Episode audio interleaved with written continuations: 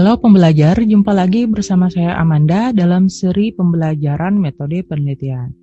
Uh, setelah lama kita uh, vakum sejenak, pada episode kali ini kita akan memasuki uh, tema tentang teknik penarikan sampel. Ya, setelah pada episode sebelumnya itu kita sudah memilih desain penelitian kuantitatif mana yang mau kita gunakan pada penelitian kita. Nah, untuk keperluan penelitian, langkah selanjutnya yang akan kita lakukan adalah kita menentukan yang namanya sampel penelitian. Nah, yang seperti apa itu yang dimaksud dengan sampel? Kita akan lanjut ke bagian itu. Nah, jadi dalam sebuah penelitian itu ada istilah uh, populasi dan sampel ya. Jadi populasi itu merupakan sekumpulan individu atau objek dengan karakteristik tertentu yang ditetapkan peneliti sebagai objek penelitian atau pengamatan ya. Jadi di sini populasi itu bukan hanya orang ya, tetapi bisa juga eh, tetapi juga itu merupakan objek dan benda-benda alam yang lain ya. Jadi bukan hanya orang, apa pun yang kita jadikan sebagai subjek penelitian kita itu dia disebut sebagai populasi. Nah, di sini populasi juga bukan sekedar jumlah yang ada pada objek yang mau kita pelajari ya, tetapi meliputi seluruh karakteristik. Ya, jadi dia meliputi uh, seluruh karakteristik atau sifat yang dimiliki dari objek atau subjek yang mau kita teliti tersebut. Nah, misalnya nih uh, kita mau melakukan penelitian di sekolah A ya, yang mana sekolah ini merupakan populasi ini berarti uh, sekolah A itu dia mempunyai sejumlah orang atau subjek dan objek yang lain. Hal ini artinya uh, populasi kita anggap dalam hal jumlah atau kuantitas. Ya, jadi di sini yang dimaksud dengan populasi pada penelitian kita ini terkait dengan jumlah atau kuantitas yang ada di sekolah A tersebut. Nah, selain itu, sekolah A juga mempunyai karakteristik orang-orangnya ya. Misalnya ada motivasi kerja, terus ada disiplin kerjanya, ada kepemimpinannya, iklim organisasi, kondisi siswa, dan lain-lain. Eh, selain itu, dia juga punya karakteristik objek yang lain. Misalnya ada kebijakan, prosedur kerja, tata ruang kelas, lulusan yang dihasilkan, kualitas pembelajaran, uh, dan lain-lain. Jadi yang terakhir saya sebut ini dia itu merupakan populasi dalam arti karakteristik. Nah, jadi oke. Okay.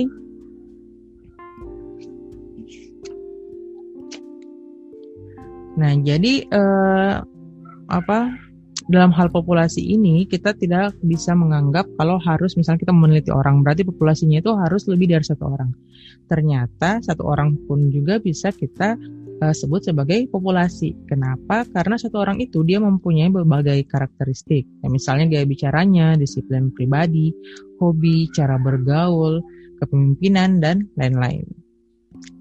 Uh, contoh lagi, misalnya kita mau melakukan penelitian tentang kepemimpinan Presiden Y, ya, maka kepemimpinan itu merupakan sampel dari semua karakteristik yang dimiliki Presiden Y. Nah, uh, contoh berikutnya kalau misalnya dalam bidang kedokteran uh, kita juga bisa menganggap satu orang itu sebagai populasi. Seperti yang seperti apa? Misalnya dari orang itu kita mau ambil sampel darah ya. Nah, kalau diperiksa eh, bagaimana kondisi kesehatan dari orang ini, kita cukup mengambil sampel darahnya, lalu diteliti. Nah, data yang diteliti dari sampel darah tersebut, selanjutnya kita berlakukan ke seluruh darah yang dimiliki oleh orang tersebut ya. Jadi di sini tadi waktu uh, saya sudah menyebutkan istilah yang namanya sampel. Jadi apa itu sampel? Sampel itu merupakan bagian kecil dari anggota populasi yang diambil menurut prosedur tertentu sehingga dapat mewakili populasinya. Ya, jadi di sini catatan khususnya yaitu sampel itu harus dapat mewakili populasinya. Nah, jika populasi besar dan penelitian tidak mungkin mempelajari semua yang ada pada populasi, misalnya karena keterbatasan dana, tenaga, waktu, dan lain-lain, maka peneliti dapat menggunakan sampel yang diambil dari populasi tersebut. Ya, jadi eh, sampel ini tidak mesti ada ya. Kalau misalnya kita eh, bisa meneliti keseluruhan populasi, itu lebih baik lagi. Nah, tapi karena dalam hal kita sebagai peneliti punya keterbatasan, makanya kita butuh juga yang namanya pengambilan sampel jika kita tidak bisa e, mencakup semua populasi dari penelitian kita. Nah, apa yang akan kita pelajari dari sampel itu nantinya kesimpulannya akan dapat diberlakukan untuk populasi, ya. Oleh karena sifatnya ini, sampel itu dikatakan ada sampel yang representatif dan sampel yang tidak representatif. Nah, sampel yang representatif itu merupakan sampel yang bisa mewakili keadaan populasinya. E, sementara sampel yang tidak representatif itu sampel yang tidak bisa mewakili keadaan e, populasi. Eh, nah, karena tadi sampel itu sifatnya hanya mewakili, berarti kita dalam pengambilan sampel itu akan ada ukuran tertentu dalam e, menentukan jumlah sampel yang kita mau ambil. Nah, itu dia disebut sebagai ukuran sampel. Misalnya pada contoh gambar ini, dari populasi yang kita punya, kita ambil sampel ini yang berjumlah lima orang. Itu artinya ukuran sampelnya itu ada lima orang. Nah, tadi e, bagaimana seandainya uh, sampel yang kita ambil itu tidak representatif ya di sini uh, kita ibaratkan kalau misalnya kita mau suruh uh, beberapa orang buta untuk mengamati gajah ya yang mana gajah ini mereka sama sekali belum pernah melihat atau menyentuhnya. Nah, ketika mereka disuruh untuk mengamati gajah tersebut dan menyampaikan kesimpulan tentang gajah itu, maka kesimpulannya akan berbeda-beda sesuai dengan apa yang mereka rasakan. Ya misalnya uh, orang yang ini dia mengatakan dia memegang belalainya dia menyampaikan oh ini adalah ular. Ya karena dia panjang dan bisa bergerak. Ada yang memegang kaki gajah dan menyampaikan kalau oh ini adalah uh, pohon. Ya ada yang pegang badan gajah dan menyampaikan oh ini adalah dinding ada yang pegang telinga gajah dan bilang oh ini seperti kipas berarti ini adalah kipas. Nah sebaliknya ada juga mungkin yang pegang ekornya dan menyampaikan kalau itu adalah tali ya. Ini kondisi ini dia itu menunjukkan bagaimana kalau kita mengambil uh, sampel yang tidak representatif ya. Maka akan jadinya adalah kesimpulan yang kita ambil nantinya uh, bukan kesimpulan yang menggambarkan kondisi dari populasi yang kita punya. Nah, bagaimana eh, kegunaan populasi dan sampel dari penelitian yang kita melakukan ini? Tentunya adalah untuk eh, melakukan penarikan kesimpulan dari perumusan masalah yang sudah kita buat untuk penelitian kita. Ya. Untuk kepentingan itu, maka ada nilai-nilai tertentu yang kita harus kita cari dalam dari populasi kita maupun sampel kita untuk menunjukkan apa tujuan e, untuk mengarahkan kita ke uh, tujuan penelitian kita. Nah, biasanya dalam penelitian kuantitatif itu nilai nilai-nilai yang mau kita mau ukur itu di antaranya itu biasanya uh, ada rata-rata, terus ada keragaman data, ada rata-rata data, terus ada juga uh, variance data. Nah, nilai-nilai yang mewakili atau yang menggambarkan populasi dia itu disebut parameter. Ya, jadi parameter itu merupakan nilai yang menggambarkan ciri atau karakteristik populasi. Ya. Dia itu nah, biasanya disimbolkan dengan angka-angka ini ya. Jadi untuk rata-rata ini dia mu, untuk uh, standar deviasi dia itu sigma, sementara untuk variansnya adalah sigma kuadrat. Nah, bagaimana kalau untuk sampel? Nah, parameter ini ketika dia sampel ditentukan untuk sampel, dia itu disebut dengan istilah statistik. Nah, statistik itu merupakan nilai yang menggambarkan ciri atau karakteristik sampel. Jadi dia nanti akan berpadanan dengan nilai-nilai yang ada di populasi. Ya, jadi setiap parameter dia punya padanan di statistik.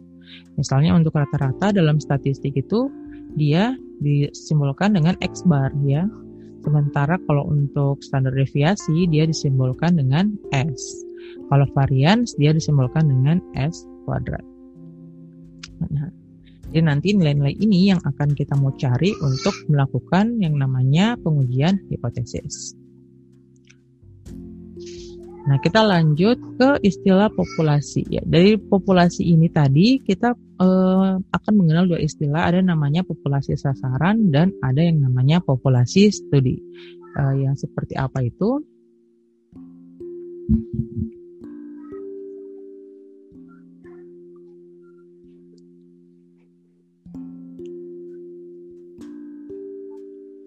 Nah, jadi populasi sasaran itu merupakan eh, populasi yang menjadi sasaran penelitian. Ya, tapi dalam populasi sasaran itu uh, ada nantinya yang akan menjadi populasi studi. Yang seperti apa? Di sini kita lihat dulu contohnya. Nah, misalnya kita itu mau meneliti tentang sikap moderasi beragama siswa SMA di Kota Kendari. Ya. Nah, karena suatu sebab kita tidak mendapat keterangan yang lengkap tentang apa yang disebut siswa SMA di Kota Kendari ini. Ya, misalnya tidak lengkap karena e, ada siswa SMA di sekolah swasta M yang tidak tercatat. Jadi di sini yang dimaksud dengan populasi sasaran kita itu adalah siswa SMA di kota Kendari. Yang mana populasi studinya? Nah, karena tadi ada yang tidak tercatat, berarti yang akan bisa kita teliti itu adalah uh, seluruh siswa SMA di kota Kendari uh, tanpa uh, siswa dari SMA M tersebut, karena kita tidak punya data. Ya, jadi siswa SMA di kota Kendari yang dikurangi dengan siswa SMA M itu disebut dengan populasi studi. Ya, jadi jadi berdasarkan contoh ini bisa kita pahami kalau pada kondisi-kondisi ter pada kondisi-kondisi lainnya kita bisa mendapatkan kalau populasi studi itu akan sama dengan populasi sasaran kita. Nah, selanjutnya kita lihat untuk sampel ada istilah satuan sampling dan ada kerangka sampling. Jadi dari contoh sebelumnya yang saya sebutkan tadi yang dimaksud dengan uh, satuan sampling itu merupakan segala sesuatu yang peneliti dijadikan uh, yang dijadikan peneliti sebagai kesatuan atau unit yang nantinya akan menjadi objek pemilihan sampel. Itu disebut sebagai satuan sampling ya. Sementara uh, ketika satuan sampling itu kita daftar, daftar yang telah kita buat itu dia disebut sebagai kerangka sampling. Ya, jadi nanti yang dimasukkan dalam kerangka sampling itu adalah semua satuan sampling yang ada di populasi. Nah dari contoh kita tadi kita bisa mengatakan kalau si semua siswa SMA di Kota Kendari itu dia sebagai satuan sampling. Ya, jadi satu persatu itu di satuan samplingnya. Nah kalau kita sudah buat daftarnya biasanya dalam bentuk tabel uh, dari semua siswa itu, maka itu dia daftar tersebut diseb, uh, itulah yang dikenal dengan kerangka sampling.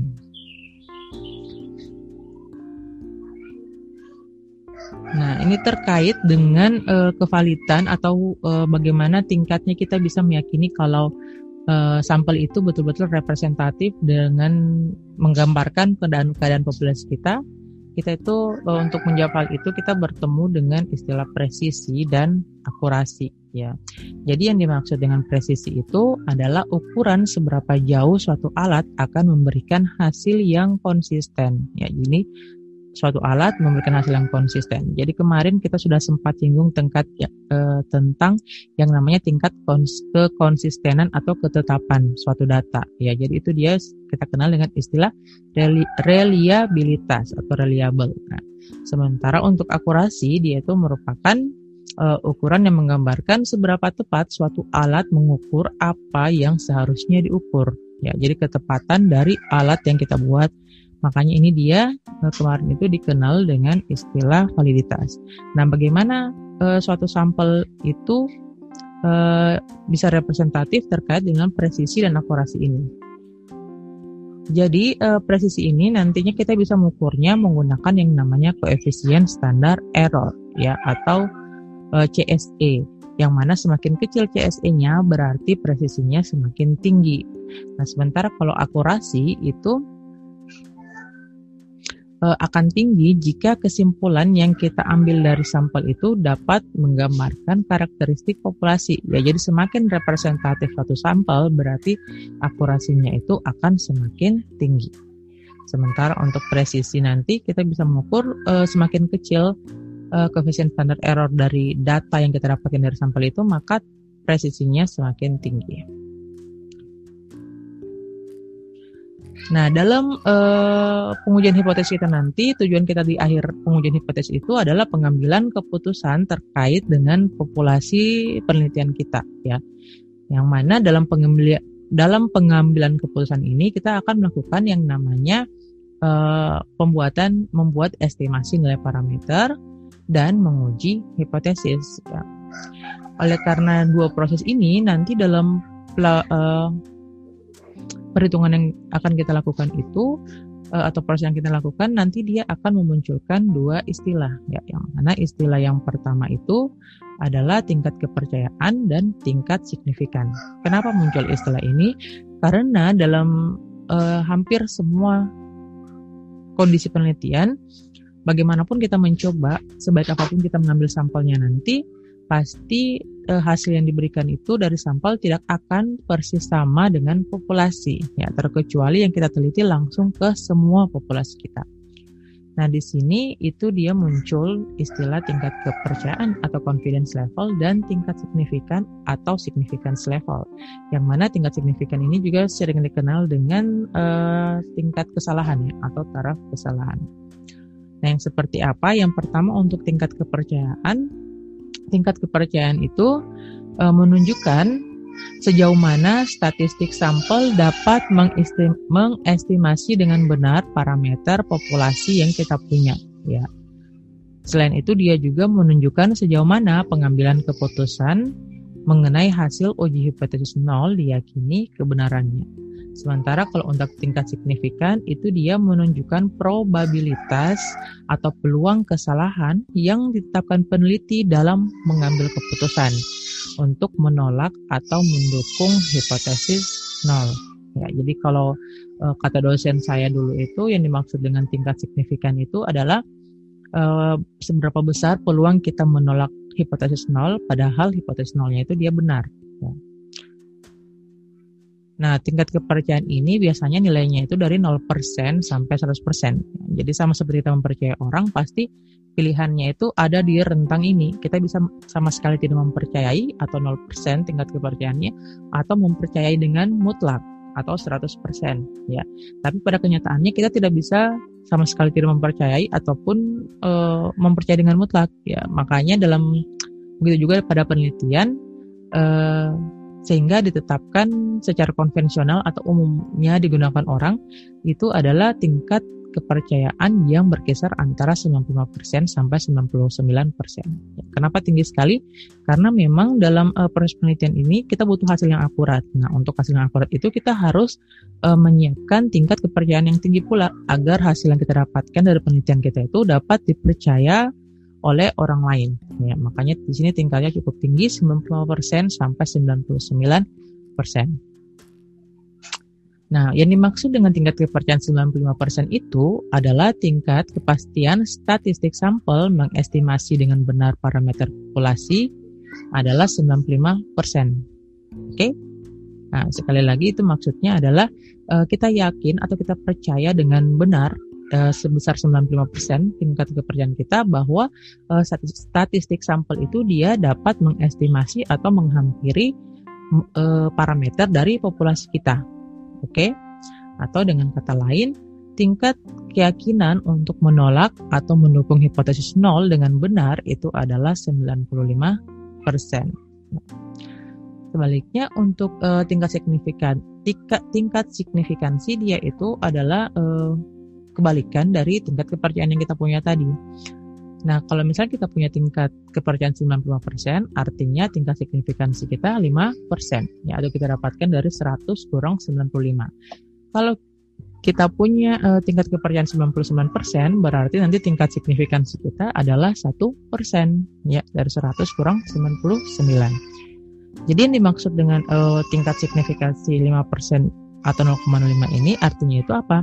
Artinya adalah keputusan peneliti untuk menolak atau mendukung hipotesis nol memiliki probabilitas atau peluang kesalahan sebesar 5%. Ya, jadi yang seperti apa itu peluang kesalahan sebesar 5%? Artinya kalau kita melakukan penelitian pada 100 sampel, maka akan terdapat lima kesimpulan salah yang diberlakukan ke populasi ya.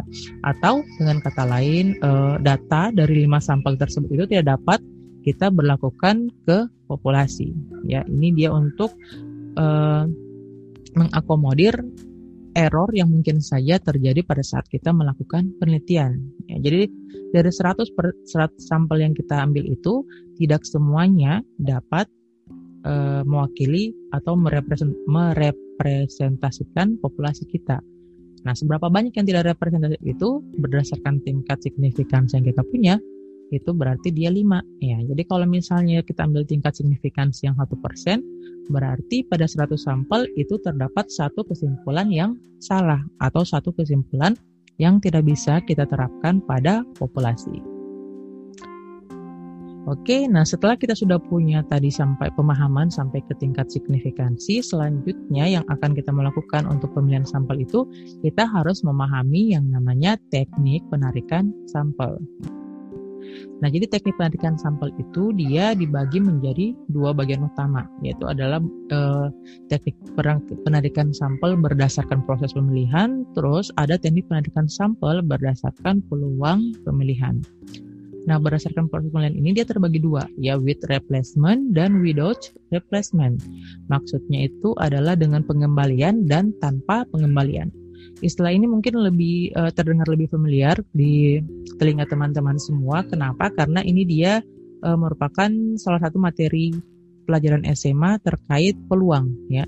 Jadi mungkin kalian pernah mendapatkan soal ujian atau soal uh, materi di kelas berapa ya? Kelas 12 atau kelas 11 itu yang uh, tentang pengambilan uh, kelereng dari sebuah kantong ya. Misalnya ada yang disampaikan kita mengambil kelereng warna putih ya dengan mengembalikan atau tanpa mengembalikan. Berapa peluang yang terambil ada dua kelereng warna putih atau berapa peluang yang terambil satu kelereng warna putih dan satu kelereng warna merah.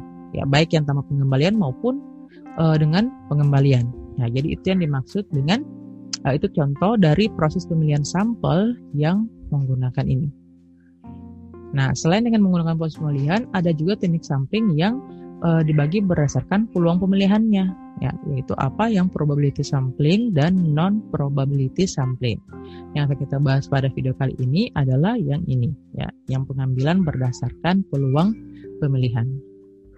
Untuk yang pertama itu yang probability ya. Jadi yang probability itu artinya itu eh, teknik yang kita gunakan itu dia akan memberikan peluang yang sama bagi setiap unsur atau anggota populasi untuk dipilih sebagai sampel, yang mana nanti pengambilan sampelnya itu dilakukan secara acak atau random. Ya.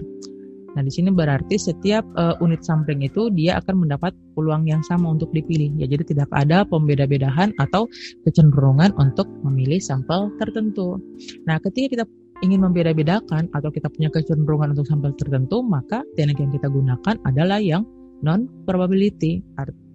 Atau dengan kata lain, di teknik ini uh, peneliti tidak memberikan peluang yang sama bagi setiap unsur populasi untuk dipilih sebagai sampel. Nah, secara uh, setelah ini kita akan melihat uh, contoh dari masing-masing teknik sampling ini. Nah, untuk kita lihat di probability sampling, probability sampling itu secara umum ada empat teknik ya yang bisa kita gunakan. Yang pertama ada simple random sampling atau uh, pengambilan acak sederhana. Terus ada uh, systematic sampling atau pengambilan sampel sistematik.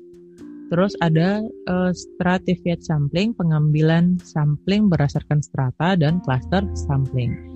Nah, yang perlu diingat untuk semua probability sampling ini dia itu random ya atau acak. Terus yang uh, teknik yang berikutnya yang non non probability itu ada yang pertama convenience sampling atau pengambilan sampel berdasarkan uh, keyakinan. Terus ada purposive sampling atau pengambilan sampel berdasarkan tujuan tertentu. Terus ada kuota sampling atau pengambilan sampel berdasarkan kuota tertentu dan ada snowball sampling yang mana pengambilan sampelnya nanti itu dia akan bergulir seperti bergulirnya bola salju ya. Kita membahas mulai dari uh, simple random sampling. Nah, sebelum masuk ke simple random sampling, untuk yang uh, teknik menggunakan probability sampling ini, dia itu bisa uh, pengacakannya itu bisa kita lakukan dengan menggunakan beberapa cara ya. Cara yang paling umum digunakan itu adalah dengan menggunakan undian dan menggunakan yang namanya tabel bilangan acak. Ya, nanti kita akan lihat contohnya seperti apa. Nah, kita mulai dengan simple random sampling. Jadi yang namanya simple berarti dia ini yang paling sederhana ya di antara model pengambilan sampling dengan probability. Nah, di sini setiap satuan sampling atau anggota populasi itu dia akan memiliki peluang yang sama untuk dipilih ke dalam sampel dengan syarat syaratnya itu adalah semua unit sampling itu dia harus homogen. Yang maksud dengan homogen, yang dimaksud dengan homogen ini adalah memiliki ciri dan karakteristik yang sama terkait dengan uh, tujuan penelitian kita.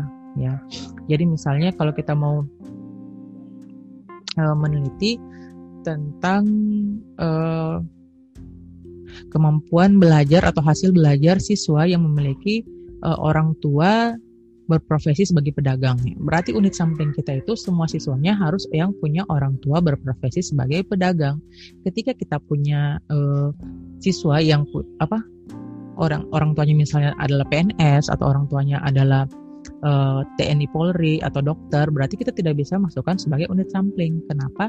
Karena dia membuat sampling kita itu uh, unit sampling kita itu menjadi tidak homogen ya karena dia berbeda karakteristiknya.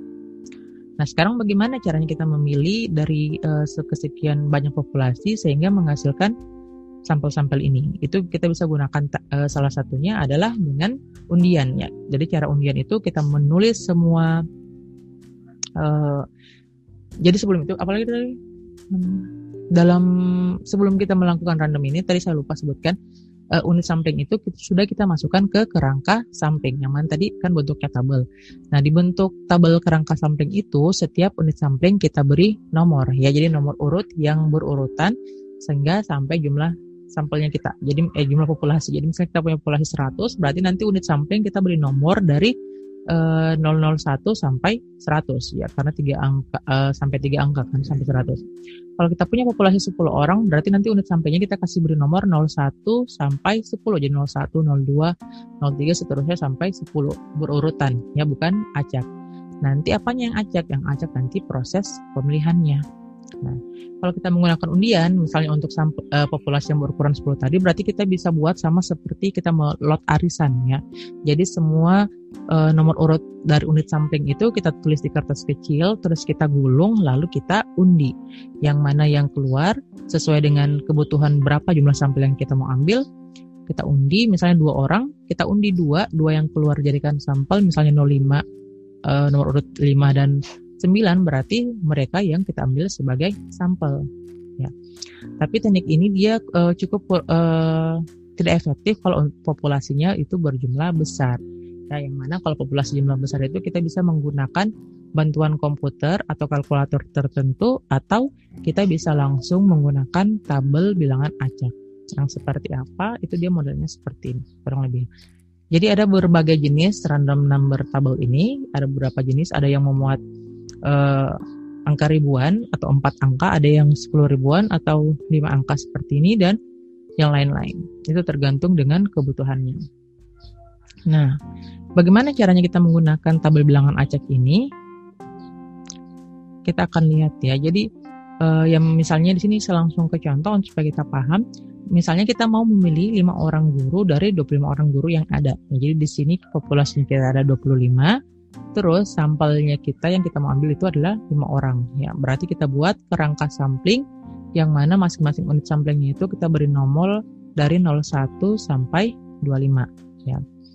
Jadi kita buat kerangka sampingnya ya nomornya dari 01 sampai 25. Terus langkah yang kedua, kita akan mulai dari sebarang angka pada tabel bilangan acak. Nah, jadi sebarang angka ini uh, kita tentukan dengan cara apa saja ya. Bisa kita tutup mata, bayangkan apa angkanya atau kita ambil pensil sambil uh, memejamkan mata kita jatuhkan pensilnya berhenti di angka mana itu terserah ya yang jelas dia mulainya dari sembarang angka pada tabel ini terus uh, misalnya di sini uh, angka yang saya pilih itu atau angka yang saya undi untuk menjadi start saya adalah 8 uh, yang 84294 ya yang ini kita mulai dari sini. Nah setelah itu bagaimana langkah selanjutnya? Langkah selanjutnya kita bergerak ke arah mana yang kita mau? Ya kita bisa bergerak ke arah bawah ke atas ke kiri ke kanan. Bisa miring-miring atau bisa zigzag itu terserah kita. Ya namanya saja acak nah jadi misalnya di sini saya mau saya bergerak ke arah bawah ya. Nah yang mana eh, tadi yang kita mau pilih itu adalah e, berjumlah dua angka kan. Jadi kita perhatikan adalah dua angka pertama dari setiap bilangan acak yang kita ambil. Ya kita akan perhatikan setiap dua bilangan dua angka pertama. Nah, kalau misalnya dua angka yang per, dua angka pertama itu dia masuk dalam uh, nomor di nomor unit samplingnya kita, berarti itu kita jadikan sampel. Nah, setiap semua bilangan yang terpilih nanti kita daftar ke dalam tabel sampelnya kita. Nah, misalnya tadi kita mau di 84 294. Dua angka pertamanya adalah 84. Ternyata 84 tidak ada di sini ya. Yang kita punya tadi sekali lagi 00 sampai 25. 84 tidak ada, berarti kita lanjut lagi ke bilangan di bawahnya. 23577. Ternyata angka pertamanya 23 dan itu ada di sini berarti dia menjadi sampel pertama yang yang nomor urut 23. Selanjutnya lagi 16 eh, 614 itu kita ambil dua angka 16 ada juga dalam sini rentang ini berarti dia sampel ke 2 Selanjutnya 60022. Dua angka pertamanya 60 dia tidak ada.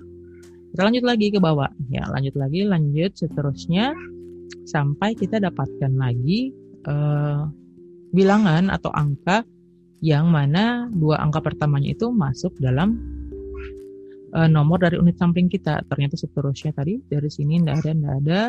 Nah, berhenti di sini kita dapatkan dua angka pertama 14 masuk. Berarti 14 jadi sampel ke 3 kita lanjut lagi. Ternyata ini tidak ada ya. 00 tidak ada di sampel.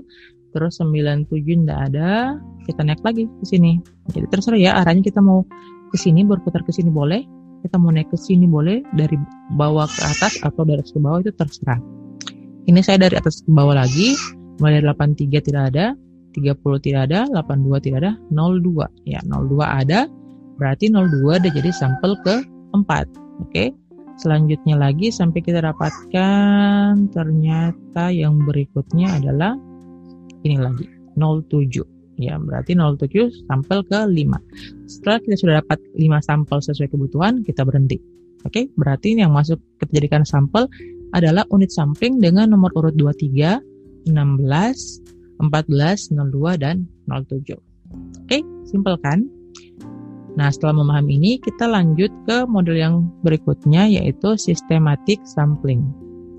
Jadi, systematic sampling ini, dia itu pengambilan setiap unsur keka dalam populasi untuk dijadikan sampel. Jadi, dia lebih sistematik dibandingkan yang random tadi. Kalau yang random tadi, kita bisa memilih memulai dari mana.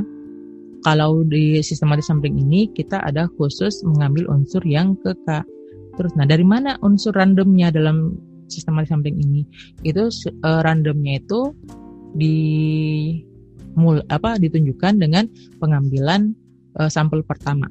Ya jadi dia pengambilan sampel pertamanya itu yang diambil secara acak. Ya jadi kita bisa menggunakan undian atau menggunakan tabel bilangan acak tadi juga. Ya jadi setelah kita punya uh, unsur pertama nanti unsur-unsur uh, yang berikutnya itu kita akan mengambil dengan rentang k Ya, kita lihat contohnya untuk lebih jelas. Nah, kita mulai dengan tentukan besar interval pemilihan, K-nya itu berapa. Terus kita tentukan ta, e, random startnya atau unsur pertamanya. Yang mana unsur pertamanya itu dia harus berada, e, nomor urutnya itu berada dari 1 sampai K. Ya, tidak boleh lebih besar dari K. Terus kita tentukan sampel kedua, ketiga, dan seterusnya dengan cara menjumlah setiap unit terpilih dengan K. Oke, kita lihat. Nah, kembali ke contoh yang tadi, kita gunakan systematic sampling dan kita pilih K-nya itu adalah 5. Ya, jadi K-nya ini kita bisa pilih terserah kita ya, tapi ada juga yang uh, memilih K menggunakan rumus uh, jumlah populasi dibagi dengan jumlah sampel yang mau kita temu, mau uh, kita inginkan. Yang kita inginkan. Misal kita punya populasi uh, 1000 terus kita mau ambil sampel 100 berarti kita bagi 1000 bagi 100 10 jadi kan 10 ya tapi bisa juga kita mengambil sesuai dengan keinginan kita. Nah, itu berarti random startnya harus uh, dimulai dari 01 sampai 05. Di, bukan dimulai dari, tapi dipilih di antara uh, nomor urut ke 1 sampai nomor urut ke 5. Nah, kita harus acak, makanya kita akan ngambil uh, di tabel acak tadi. Nah, misalnya uh, setelah mengacak atau setelah menutup mata yang saya dapatkan itu adalah 04794. Ini artinya dua angka pertama yang kita jadikan sebagai random start. Baik kita mau dari nomor urut 04. Setelah itu, sampel kedua dan seterusnya kita tinggal tambahkan dengan 5 ini. Ya, jadi kita mulai untuk sampel kedua 04 tambah 5 berarti 09. ya. Sampel ketiga 09 tambah 5 berarti yang ke-14. Sampel ke sampel berikutnya tambah 5 lagi jadinya 19 dan sampel terakhir tambah 5 lagi jadi 24. Artinya sampel yang kita mau ambil adalah uh, unit sampling dengan nomor urut 04, 09, 14, 19 dan 24. Oke, selanjutnya kita lanjut ke stratified dan cluster. Ya, jadi ini dia uh, agak mirip model pengambilannya karena kenapa? Karena sama-sama membagi populasi menjadi kelas-kelas tertentu ya atau sub atau subpopulasi. Kita mulai dengan stratified random sampling ya. Jadi dia uh, sekali lagi nanti tetap menggunakan random dalam pemilihan sampelnya. Langkahnya seperti apa? Yang pertama itu kita bagi populasi menjadi subpopulasi atau strata yang masing-masing memiliki karakteristik yang berbeda ya. Karakteristik yang berbeda. Jadi di sini dicatat kalau karakteristik dari setiap subpopulasi yang kita ambil atau stratanya itu harus berbeda. Ya, misalnya uh, kita mau tadi apalagi namanya uh, penelitian tentang latar belakang uh, apa tentang uh, pekerjaan orang tua siswa ya. Jadi kita bisa menggolongkan pekerjaan atau uh, populasi dari orang tua siswa itu dia menjadi uh, yang bekerja sebagai pedagang, terus yang bekerja sebagai pegawai negeri yang bekerja sebagai uh, TNI Polri, ya itu bisa kita sebut sebagai strata karena masing-masing itu dia memiliki karakteristik yang berbeda. Yang berikutnya kita ambil sampel dari setiap strata menggunakan simple random sampling atau systematic random sampling tadi, ya. Jadi makanya kenapa tetap random karena setelah kita bagi stratanya untuk mengambil perwakilan dari setiap strata itu kita tetap menggunakan simple random sampling. Oke, kita lihat akan lihat contohnya seperti apa. Nah, e, dari stratified sampling ini dia itu e, terbagi menjadi dua. Ya, ada yang namanya proportionate stratified random sampling ya atau e, sampling strata yang proporsional. Ya. Itu dia kita lakukan jika populasi itu memiliki anggota yang tidak homogen dan memiliki strata secara proporsional. Sementara yang disproporsional itu dia kalau misalnya stra, uh, setiap strata itu uh, dia ada yang tidak proporsional jumlah anggotanya. Ya, nanti kita lihat contohnya seperti apa. Nah, di sini sebagai catatan juga tadi saya lupa sebut kalau uh, syarat dari suatu populasi yang bisa kita jadikan yang bisa kita buat strata itu adalah populasinya tidak boleh homogen atau atau dia itu adalah populasi yang heterogen. Contohnya tadi dari uh, siswa uh, apa, pekerjaan orang tua siswa kan dia tidak homogen. Kenapa? Karena ada siswa ada orang tua yang bekerja sebagai pedagang, sebagai pegawai negeri, sebagai TNI Polri. Makanya kita bisa buat strata dalam populasi kita itu. Tapi kalau misalnya populasi kita itu dia uh, seragam, ya misalnya uh, apa lagi namanya? Misalnya orang tua siswa yang, yang kita mau hanya orang tua siswa yang berprofesi sebagai pedagang. Ya, berarti kita, kita tidak perlu mengambil uh, menggunakan stratified sampling ini. Ya, kita cukup menggunakan random sampling untuk mengambil sampelnya. Ya, karena dia kondisi populasinya tadi itu dia seragam atau homogen. Nah, kita lihat untuk contoh yang proporsional itu, misalnya tadi populasi orang tua siswa, terus yang kita buat oh ini yang uh, saya stratanya yang di sini yang kita buat adalah tingkat pendidikan ya. Tingkat pendidikan itu misalnya ada orang tua yang tamatan SD, SMP, SMA dan uh, sarjana ya yang sarjana. Di sini masing-masing dari populasi yang kita punya itu adalah 45 orang untuk SD, 50 orang untuk SMP, 120 orang untuk SMA dan 100 orang untuk S1. Di sini yang kita mau sam ambil sampelnya itu sejumlah uh, satu sampel tiap 10 orang ya. Satu sampel tiap 10 orang. Jadi misalnya untuk yang 50 orang berarti kita ambil 5 sampelnya ya, mewakili karena satu untuk 10. Yang 45 kita ambil 4 sampel. Yang 120 kita bisa ambil 12, yang 100 kita ambil 10. Dikatakan proporsional karena dari setiap uh, strata ini kita bisa ambil uh, sampelnya itu dengan menggunakan proporsi yang sama ya satu banding 10 tadi. Nah sekarang bagaimana kalau dia uh, tidak proporsional? Nah dia contohnya seperti ini. Ada strata tertentu yang mana setiap uh, yang mana anggotanya dari strata itu uh, tidak cukup untuk kita lakukan pengambilan secara proporsional. Ya, misalnya di sini yang SD hanya empat orang jumlahnya, yang SMP hanya lima orang. Ya, yang mana untuk memenuhi uh, jumlah sampel kita berarti kita harus ambil semua uh, anggota dari strata SD ini, semuanya empat keempat tempatnya kita ambil. Yang SMP juga begitu, keempat kelima limanya kita ambil sebagai sampel. Ya, sementara untuk SMA dan S1 dia tetap menggunakan proporsi 1 banding 10 tadi. Nah, ketika kita punya kondisi ini berarti itu masuk dalam uh, apa sampling sampling strata yang tidak proporsional. Oke, kita lanjut ke cluster sampling. Nah, cluster sampling ini dia cara cara langkah awalnya itu sama dengan strata tadi kita akan membagi populasi menjadi kalau tadi sub populasi ini menjadi populasi mini ya. Kenapa kita sebut populasi mini? Karena nanti setiap populasi mini ini atau klaster dia akan memiliki karakter yang sama dengan populasinya ya. Jadi setiap uh, populasi uh, klaster yang kita buat karakteristiknya, ciri-cirinya itu sama dengan populasi yang kita punya. Setelah itu baru kita lakukan random sampling untuk mengambil sampling dari setiap klaster.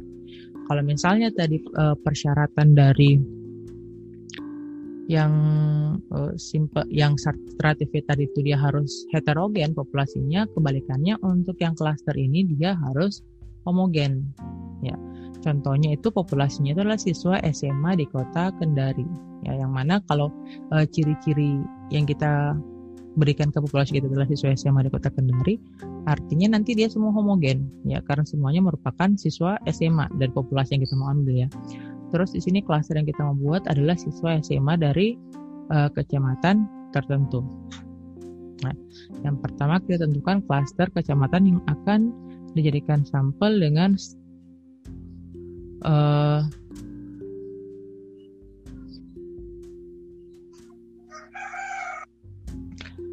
Nah, pada contoh ini tadi langkah pertama kita tentukan klaster kecamatan yang akan dijadikan sampel dengan uh, simple random sampling. Jadi setelah kita bagi tadi uh, populasi kita menjadi kecamatan-kecamatan tertentu di Kota Kendari, eh, dibagi sesuai kecamatan di Kota Kendari, lalu uh, klaster yang kita mau jadikan sampel kita juga pilih menggunakan uh, simple random sampling. Setelah itu klaster-klaster terpilih itu untuk mengambil setiap anggotanya itu kita gunakan simple random sampling juga untuk memilih setiap anggota dari Eh, klaster-klaster uh, itu untuk dijadikan populasi kita. Nah, sekarang apa perbedaan? Kita mau melihat apa perbedaan antara stratified dan cluster tadi. Ya, jadi secara umum uh, kita menggunakan sampling berstrata jika setiap uh, kelompok itu mempunyai variasi yang kecil, tetapi variasi antar grupnya besar, ya. Atau dengan kata lain, uh, setiap kelompok itu uh, strata, setiap strata itu dia mem, uh, memiliki uh, perbedaan yang jelas ya. Sementara kalau di dalam stratanya masing-masing dia itu uh, memiliki populasi yang homogen. Sebaliknya kita menggunakan yang uh, sampel sampling cluster jika ada variasi setiap grup itu setiap kelompok variasinya itu uh, kecil tetapi yang uh, apalagi namanya dalam kelompoknya dia itu heterogen ya. dengan kata lain kita bisa mengatakan seperti ini ya Nah, untuk stratified, uh, peneliti itu dia menjadi membagi populasi tadi menjadi beberapa kelompok yang mana uh, kelompok itu dibagi berdasarkan kriteria variabel tertentu yang uh, di mana kriteria ini dia itu kita anggap ke depannya akan menimbulkan bias terhadap hasil penelitian kita. Yang seperti apa ya? Misalnya kalau kita meneliti tentang uh, apa pengaruh uh, pengaruh model pembelajaran tertentu terhadap hasil belajar siswa. Ya, ternyata setelah kita lakukan penelitian ke siswa itu, siswa itu uh, bisa kita bagi menjadi uh, bukan di, di siswa itu kita temukan ternyata ada faktor lain yang nantinya itu akan berpengaruh terhadap hasil belajar mereka, ya bukan secara langsung dari model pembelajaran kita ini faktor lain itu seperti apa? Misalnya adalah motivasi ya. Jadi ada variabel motivasi yang ternyata bisa mempengaruhi uh, hasil belajar hasil belajar dari siswa. Nah, oleh karena itu untuk mengurangi bias dari hasil penelitian kita, kita bagi uh, siswa ini menjadi ke dalam strata-strata berdasarkan motivasi yang mereka punya. Ya, jadi kita bagi menjadi uh, siswa yang punya motivasi tinggi, motivasi rendah, dan motivasi sedang. Ya, sehingga nanti uh, setiap uh, hasil yang kita dapatkan hasil belajar siswa itu nanti itu kita bisa lihat uh, bagaimana pengaruh dari pengaruh independen dari si model pembelajaran yang kita terapkan ini. Ya, jadi itu contohnya. Nah, sementara kebalikannya untuk yang klaster populasi itu dia dibagi berdasarkan uh, kriteria-kriteria yang ada pada populasinya. Ya, yang seperti apa?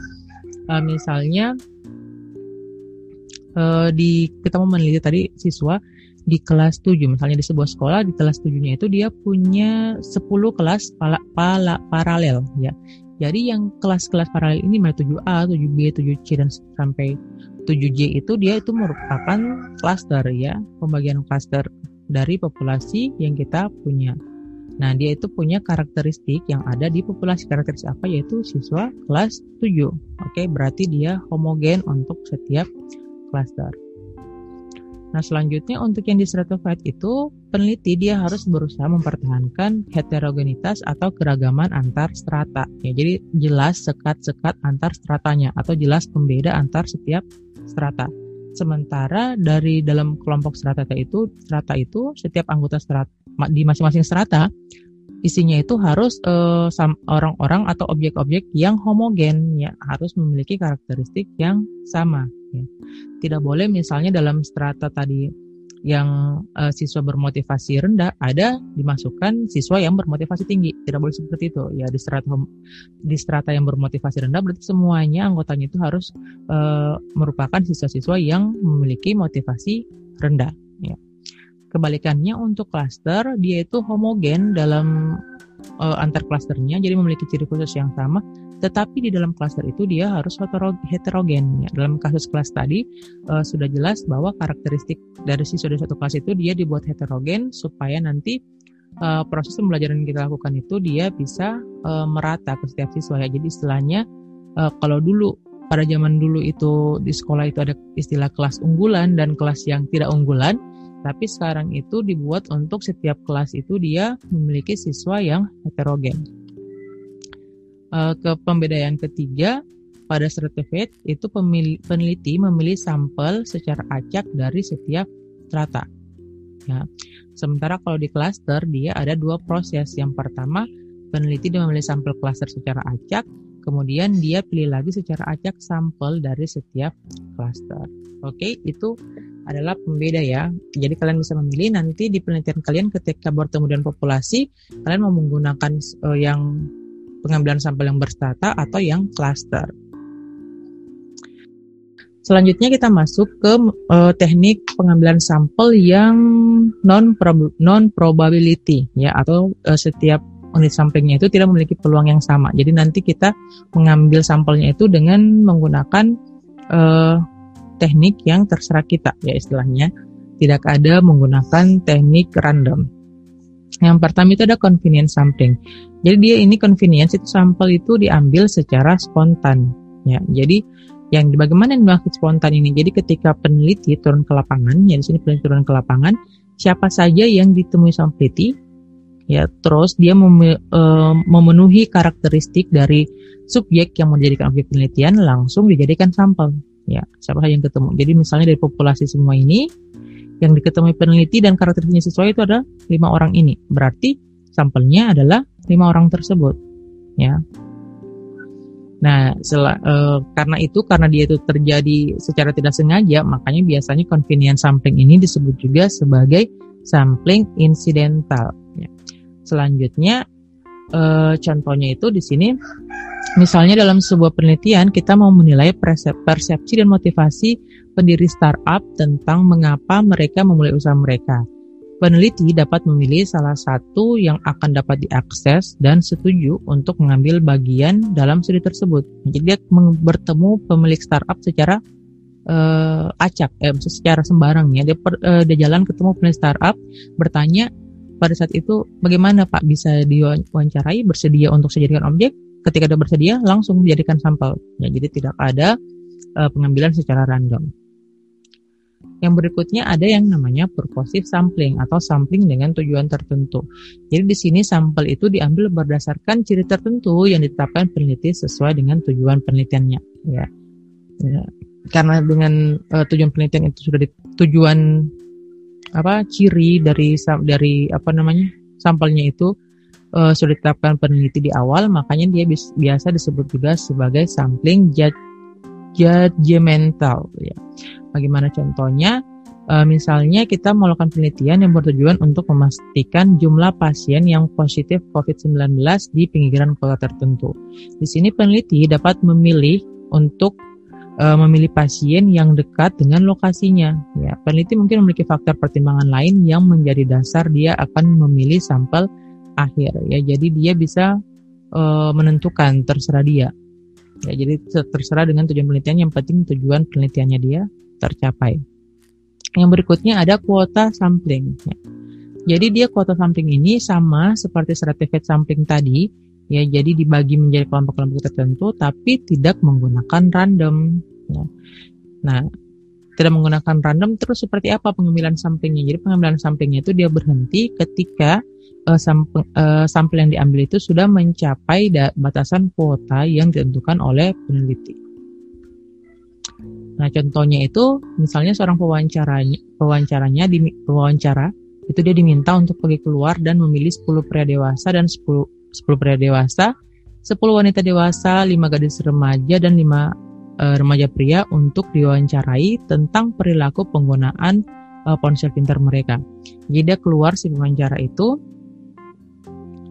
uh, lalu dia ketemu secara di jalan dia, dia ketemu siapa saja yang mau dijadikan setelah ditanya mau dijadikan sampel, lalu dia uh, wawancarai atau diambil data dari orang tersebut sampai terpenuhi kuota-kuota yang sudah diberikan ke dia ini. Nah, itu dia disebut sebagai kuota sampling.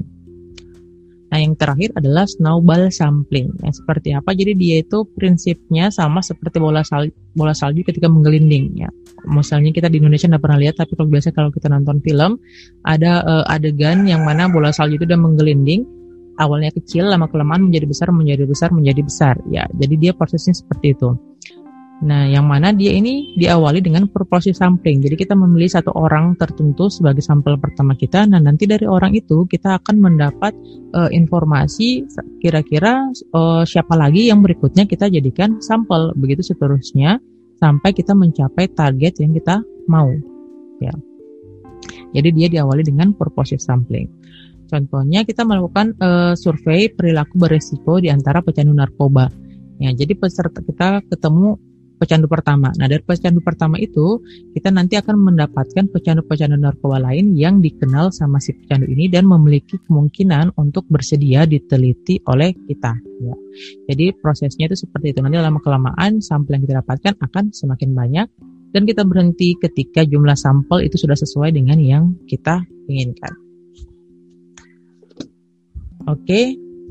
Uh, setelah kita memahami tadi teknik-teknik pengambilan sampel, kita juga akan menghadapi yang namanya bias atau kesalahan dalam sampling. Ya, bias-bias ini disebabkan oleh beberapa faktor. Yang pertama itu adalah tingkat respon yang lebih rendah atau populasi yang sulit dijangkau. Ya, jadi misalnya kita punya populasi yang cukup besar atau populasi yang uh, sulit kita jangkau, maka kita akan dapatkan tingkat respon yang lebih rendah dibanding yang kita harapkan. Itu bisa membuat bias dalam uh, penelitian kita. Terus yang berikutnya kita menggunakan daftar pengambilan sampel yang kadaluarsa. Ya, misalnya daftar siswa uh, eh, SMA di contoh yang saya berikan tadi ya, daftar siswa SMA yang mau kita teliti, ternyata yang kita ambil itu adalah daftar siswa SMA uh, sebagiannya itu sudah lulus. Ya misal sebagiannya sudah lulus sehingga yang kita ambil uh, datanya itu sudah tidak akurat lagi. Atau dan kata lain datanya sudah pada luar jadi kita harus baharui dulu supaya menghindari bias dalam samping kita yang berikutnya kita tidak memiliki teknik pengambilan sampel yang telah disepakati sebelumnya. Ya jadi misalnya tadi kita uh, apa mau sudah sepakati ini kita mau gunakan snowball sampling. Ternyata ada pewawancaranya setelah turun di lapangan dia tidak menggunakan teknik tersebut. Ya atau kita sudah wawancarai menggunakan uh, sampling purposive ternyata ada yang di lapangan yang tidak melakukan tersebut. Berarti nanti akan ada bias atau error. Ya. yang terakhir uh, tingkat respon yang lebih rendah Dan yang eh bukan yang terakhir, yang keempat tadi yang kelima itu adalah favoritisme oleh peneliti. Ya. Jadi misalnya peneliti yang cenderung ke uh, sampel tertentu bukan atas dasar ciri-ciri atau karakteristik dari uh, populasi kita atau popula objek penelitian kita. Dia memilih sampel tersebut karena hanya atas dasar dia senang sama orang tersebut ya, atau dia senang orang tersebut gampang diambil informasi atau enak diajak bicara. Dia hanya uh, mengambil sampelnya berdasarkan itu ya, bukan berdasarkan tujuan penelitian kita. Itu juga bisa mengakibatkan bias atau error dalam sampling. Selanjutnya kita uh, melihat bagaimana kriteria teknik sampling yang baik untuk penelitian kita. Ya, yang pertama itu harus dapat menghasilkan gambaran yang dapat dipercaya dari seluruh populasi. Ini sudah jelas ya dari awal pengertian sampel harus seperti itu. Yang kedua dapat menentukan presisi dari hasil penelitian, ya presisi atau reliabilitas dari hasil penelitian kita. Yang ketiga sederhana dan mudah dilaksanakan. Yaitu juga salah satu tujuan dari pengambilan sampel itu adalah dia harus mudah. Kenapa? E, agar apa kan kita mengambil sampel salah satu alasannya ketika kita sulit menjangkau semua populasi. Jadi dia itu harus yang mudah. Kalau kita mengambil sampel gitu tapi ternyata masih sulit sama seperti kalau kita mengambil semua populasi berarti itu dia uh, teknik sampel yang kita gunakan kurang tepat. Terus yang terakhir dapat memberikan keterangan sebanyak mungkin tentang populasi dengan biaya yang seminimal mungkin. jadi semakin banyak informasi yang kita dapatkan, semakin minimal biaya yang kita keluarkan berarti teknik sampling yang kita gunakan, yang kita pilih itu sudah cocok. Nah, berdasarkan uh, apa yang sudah kita bahas dari awal tadi, kita bisa menyimpulkan prosedur penarikan sampel yang harus kita lakukan. Ya, yang pertama, kita harus menentukan populasi target atau populasi sasaran kita. Yang kedua, kita membuat kerangka sampling ya dalam bentuk tabel tadi. Terus yang ketiga, kita menentukan ukuran sampel yang mau kita teliti. Jadi ukuran sampel akan saya bahas di akhir, bagaimana cara menentukannya. Terus yang keempat, kita mau menentukan teknik dan rencana pengambilan sampel. Yang kelima, kita melakukan pengambilan sampel. Oh, yang kelima tadi, terakhir kita lakukan pengambilan sampel. Ya, jadi kalau kita sudah tahu berapa ukuran sampel yang kita mau ambil, kita pilih teknik mana yang paling tepat untuk kita. Yang terakhir baru kita turun untuk mengambil sampel. Nah, menentukan ukuran sampel itu dia ada banyak sekali rumus ya. Kalau dalam uh, ilmu dalam statistika, ilmu statistik itu banyak sekali cara untuk menentukan ukuran sampel tergantung dari tujuan penelitian kita. Ya, jadi kalau misalnya kita tujuannya untuk uh, melakukan uh, penelitian yang mau menjawab rumusan masalah asosiatif atau melihat hubungan sebab akibat, dia itu lain cara menentukan ukuran sampelnya. Kalau kita menggunakan yang komparatif, perbandingan juga lain cara menentukan ukuran sampelnya ya. Itu dalam ilmu statistika. Tetapi ada rumus yang paling umum digunakan khususnya untuk penelitian-penelitian sosial ya.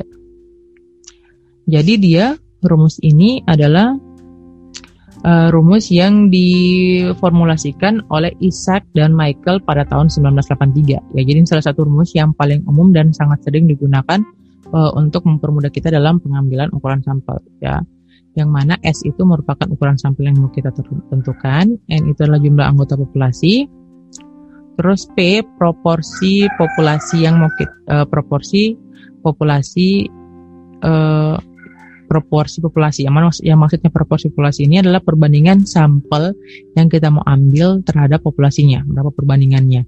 Nah, maks perbandingan maksimal yang bisa kita ambil adalah 0,5 atau dari se uh, keseluruhan populasi yang kita punya kita hanya bisa ambil sampel maksimal 50% dari populasi tersebut. Ya, kalau dari uh, lebih dari 50% berarti itu sudah bukan kategori sampel. Makanya dia di sini diambil batas maksimalnya adalah 50% atau 0,5. Terus Q itu adalah satu kurang P ya dalam hal ini karena P-nya 0,5, Q-nya berarti satu kurang P sama dengan 0,5 juga.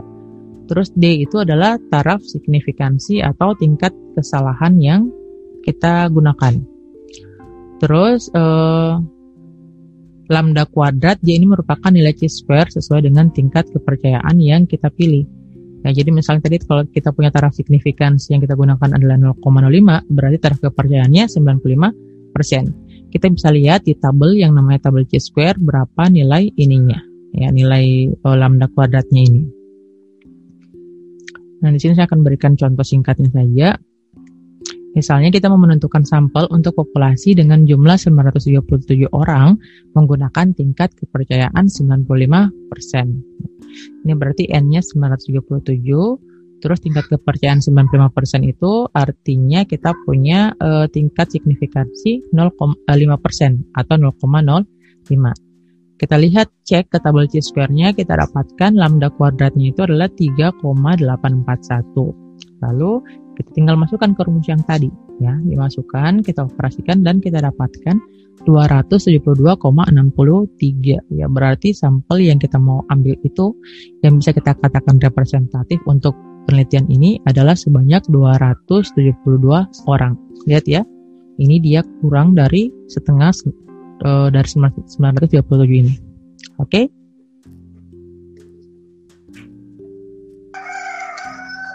Oke, pembahasan tentang bagaimana cara menentukan ukuran sampel tadi mengakhiri seri pembelajaran kita tentang teknik penarikan sampel ini. Semoga apa yang saya jelaskan itu mudah dipahami dan mudah dimengerti. Jika ada yang ingin ditanyakan, silakan berikan pertanyaan di kolom komentar. Terima kasih atas perhatiannya. Assalamualaikum warahmatullahi wabarakatuh.